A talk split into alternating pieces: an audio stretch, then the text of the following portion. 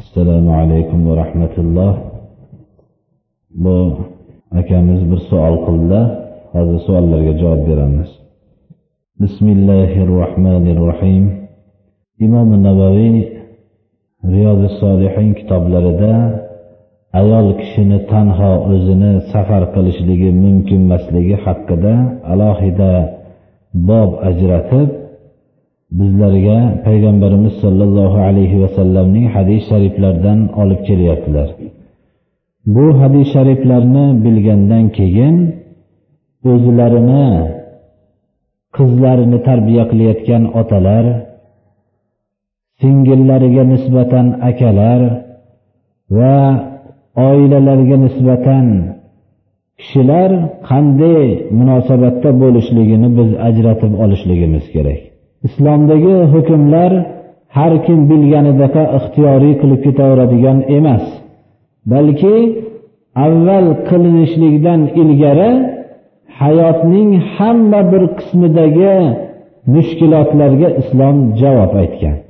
Agar bir kishi payg'ambarimiz sollallohu alayhi vasallamni hayotidagi uxlashda ovqat yeyishlikda qanday bir ergashsamikin deganmoqchi bo'lsa xohlagan hadis kitoblaridan to'plamlaridan u kishini qanday holatda dam olganliklari hatto qanday o'tirganliklarini topishligi mumkin birodarlar bu hozirgi o'qib berilmoqchi bo'lgan hadis sharif u iymon masalasiga taalluqli ixtiyoriy masalalardan emas bu endi bismillahi rohmanir rohim عن أبي هريرة رضي الله عنه قال قال رسول الله صلى الله عليه وسلم لا يحل لامرأة تؤمن بالله واليوم الآخر تسافر مسيرة يوم وليلة إلا مع ذي محرم عليها متفق عليه allohga qiyomat kuniga iymon keltirgan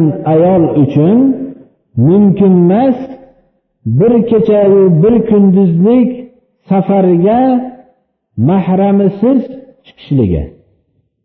Yonida albatta mahrami bo'lgan bo'lishligi shart. Islomiy holatdagi islomiy liboslarni kiyishligidan tashqari bir kechalik bir kunduzlik safarga mahrami bilan birga chiqmoqligi kerak. Ba'zi savollar yetsaki nahotki shunchalik bo'lsa degan gaplar yetishligi mumkin? Hozirgi vaqtdagi tamomiy aynish buzilishlikni sababi mana shu hukmni rioya qilmaslik natijasida. Oilalarning judo bo'lib ketishligi mahramsiz bir safarga chiqishlik natijasida har xil o'rtalarida kelishmovchilik paydo bo'lib shubhalar tug'ilib mana shu sabablar bilan oilalar buzilib ketyapti birodarlar.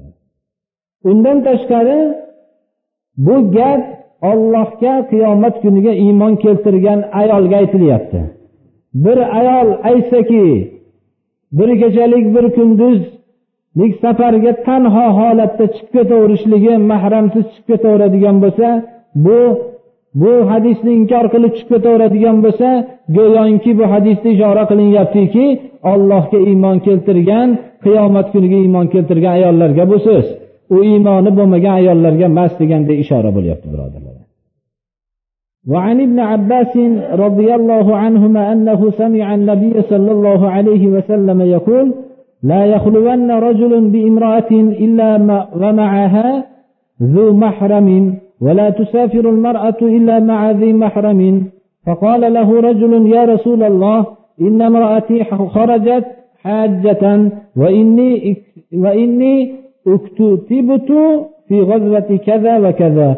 قال انطلق فحج مع امرأتك متفق عليه حديث bu ham abdulloh ibn abbosdan rivoyat qilinadiki bu kishi aytadilarki payg'ambarimiz sollallohu alayhi vasallamdan bu kishi eshitgan ekanlar aytganliklarini er kishi ayol bilan ayolni mahrami bo'lmagan holatda ajnabiya ayol bilan xoli bir joyda o'tirmasin degan ekanlar Ya'ni bir uyda ayolning mahrami bo'lmagan holatda ajnabiy ayol bilan bir kishini suhbatdosh bo'lib shu yerda o'tirishligi mumkin emas. Boshqa hadislarda bor qaysi bir kishi ajnabiy ayol bilan mahrami yo'q bo'lgan holatda ikkalovi bir joyda o'tirgan bo'lsa uchinchisi shayton yerda deyilgan ayol kishi mahramisiz safar qilmasin dedilar. Shunda bir kishi savol qildilarki yo rasululloh meni ayolim hajga chiqib ketdi. Men birga boray desam falon falon g'azotlarga yozilib qoldim. Shu g'azotga borishlikka o'zim ro'yxatdan o'tdim go'yoki dedilar. Shunda aytdilarki payg'ambarimiz sollallohu alayhi vasallam g'azot qanchalik bir zarur bo'lib bo'lsa ham aytdilarki ayoling bilan birga hajga bor dedilar. Mana bu hadis shariflarni bir har bir kishi mo'min odam ollohga qiyomat kuniga iymon keltirgan bo'lsa iymon keltirmagan bo'lsa ular bilan bizni ishimiz yo'q. Ular qanday holatda bo'lishliklari ular avvalo yagona ollohga unamagan qiyomat kunida hisob berajak ekanligiga tirilishligiga unamagan dinsiz odamlar bilan bizni ishimiz yo'q. Ammo ollohga iymonni davo qilgan bo'lsa qiyomat kuniga iymonni davo qilgan ota aka bu kishilar xususan iymonim bor kofirsan desa urushadigan ayollar mana bu hadisga o'zlarini hayotlarini bir tadbiq qilib solishtirib ko'rishliklari kerak. Hajga yolg'iz chiqishlikka ruxsat bermadilar mahramlari bilan bo'lmasdan yolg'iz ketishlikka hatto g'azotga kitobat qilinib qolgan turmush o'rtoqlarini g'azotdan qoldirib hajga birga borishlikka buyurdilar payg'ambarimiz sollallohu alayhi vasallam. Musulmonman deb o'zini nomlagan kishilar hozirgi hayotda o'zlarining turmush o'rtoqlariga nisbatan singillariga nisbatan qizlariga nisbatan qanaqa munosabatda bo'layotganliklarini bir solishtirib ko'rsinlar agar mo'min bo'lsalar hozirgi vaqtda mana. Mana bu nihoyatda bizlarning hayotimizni qanday o'zimiz muqayyat qilishligimiz islomga bu ekanligini bir qismini ko'rsatyapti. Hozirgi vaqtdagi buzuqliklarning rivojlanishligi oilalarning butun buzilishligi shariatning shu hukmini rioya qilmaslik natijasida bo'lyapti birodarlar. Farzandlarni otalar tonib bu shubhali farzand mendan emas deyotgan narsalarning sababi mana bu narsalar bo'lyapti birodarlar. Shariati islomiya bir jinoyatni bo'lgandan keyin uning masalasiga albatta masalasini hal qiladi lekin shariati islomiya jinoyatlarni yomonliklarni bo'lishligini oldini oladi ko'proq. Mana bu hukmlar agar hayotda rioya qilinsa hech qanday hozirgi vaqtdagi bo'layotgan mushkulotlarni hech birontasi bo'lmagan bo'lardi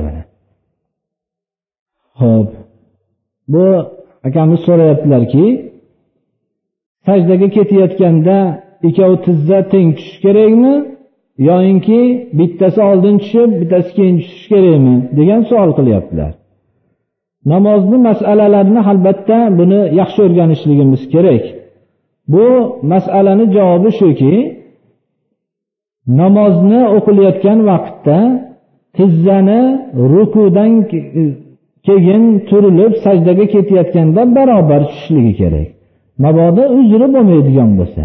Bironta odamni tizzasi oldin tushayotgan bo'lsa bironta bir uzri bordir degan narsaga biz hamil qilishligimiz kerak. Barobar tushishligi kerak shu narsani albatta shu.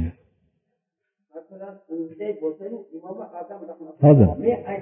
Bu savol bu yerda birinchidan shuki sahiy buxoriyda xotirjam bo'lsinlar bu rivoyat yo'q.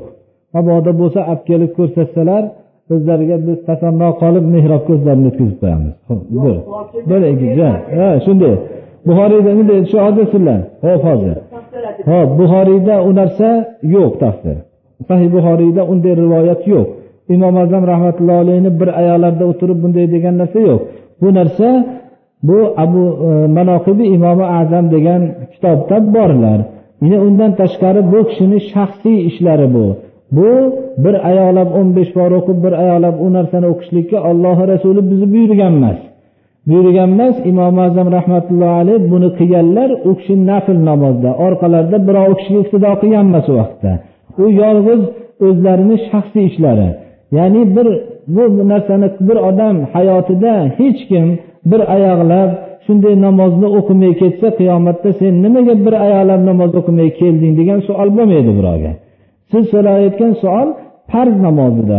Nafl namozda bir odam qodir bo'lmasa o'tirib olib oyog'ini qiblaga uzatib ham o'qiveradi unda ruku ham qilmaydi engishib shunday ruku qilaveradi. Nafl namozlarni masalasi boshqa. Farz namozdagi masala uzrsiz. Masalan shunday ikkovini bittasini oldin bittasini keyin qilib tushirishlikka hojati yo'q bu narsa. Bu narsa siz so'rayotgan narsa bir shu narsa juda hozir xalq bilib qolsin asosiy bir narsa bu masalani bilib olsin deydigan masala emas. Shunday tushuningki bir odam hech ham bir oyoqlab namoz o'qimasdan dunyodan shunaqa qilib o'tib ketsa sen nimaga shunaqa qilib kelding? Nimaga bir oyoqlab namoz o'qimading degan savol bo'lmaydi. Asosiy masalan masalalar shuki namozlarni masalasi tahoratni masalasini bilishlik juda ham qiyin emas oson birodarlar. Payg'ambarimiz sollallohu alayhi vasallam tahoratni ta'lim berganlarida suv chaqirdilar. Suvni bir martadan yuvdilar a'zolarni yuvib turib aytdilarki bu bir tahoratki olloh shu tahoratsiz namozni qabul qilmaydi dedilar. Yana bir ikki martadan yuvdilar yuvib turib aytdilarki bu ham tahoratning bir surati dedilar. Keyin uch martadan yuvdilarda bu meni tahoratim dedilar. Shundan keyin tahorat haqida ta'lim bermadilar. Shu tahoratni ta'limi bu hammaga yetarli bo'ldi. Tushunarlimi? Darrov tushunarli bo'ldi. Namozni jibril alayhissalom kelib ta'lim berdilar namoz farz bo'lganda. Birinchi kunda namozning avvalgi vaqtida o'qib berdilar. Ikkinchi kunda namozning oxirgi vaqtida o'qib imom bo'lib berdilar jibril alayhissalom muhammad alayhissalomga. Shundan ba'zi rivoyatlarda shomni ikkala kunda ham bir ikki vaqtda o'qib berganliklari rivoyat qilinadi. Shu bilan namozni vaqtlari shu o'rtadagi dedilarda shu ta'limni ashoblarga namozni o'qib ko'rsatdilar hayotlarida. Shunda bir tizzani misol barobar tushishligi o'zi tabiiy namozga borganda barobar tushiladi to'g'ri borilishlik uchun. Endi bu hozirgi bir ayolab turish ikkinchi ayolab turishlik hozir bir barobar tushishlikka aloqasi yo'q bu narsani. Chunki bir ayolab sajdaga borishlikni iloji ham yo'q bu narsani. Shu undan tashqari bu kishini imom azam rahmatullohi alayhi shuni manoqibi imomi azamda bor. Sahiy buxoriyda bu narsa yo'q. U narsa xotirjam bo'linglar. Yo'q. Fatvo imom azamda imom azam rahmatullohi imom azam rahmatullohi alayh fatvolarida u narsani yozmaydilar. Men shunaqa qilganman deb ular o'zlarini amallarini birovga e'lon qilmaydi. U kishi manoqib degani narsasi shuki tarjimai ahvol degani. Tarjimai ahvol imom azam rahmatullohi hayotlarida bo'lgan ishlarni bir kishi yozganlar. Shunda shu kishini haqlarida bo'lgan so'zlarni bittasida mana shu so'z bor bu narsa. Alloh taolo hammamizni to'g'ri yo'lga boshlasin. Allohu akbar.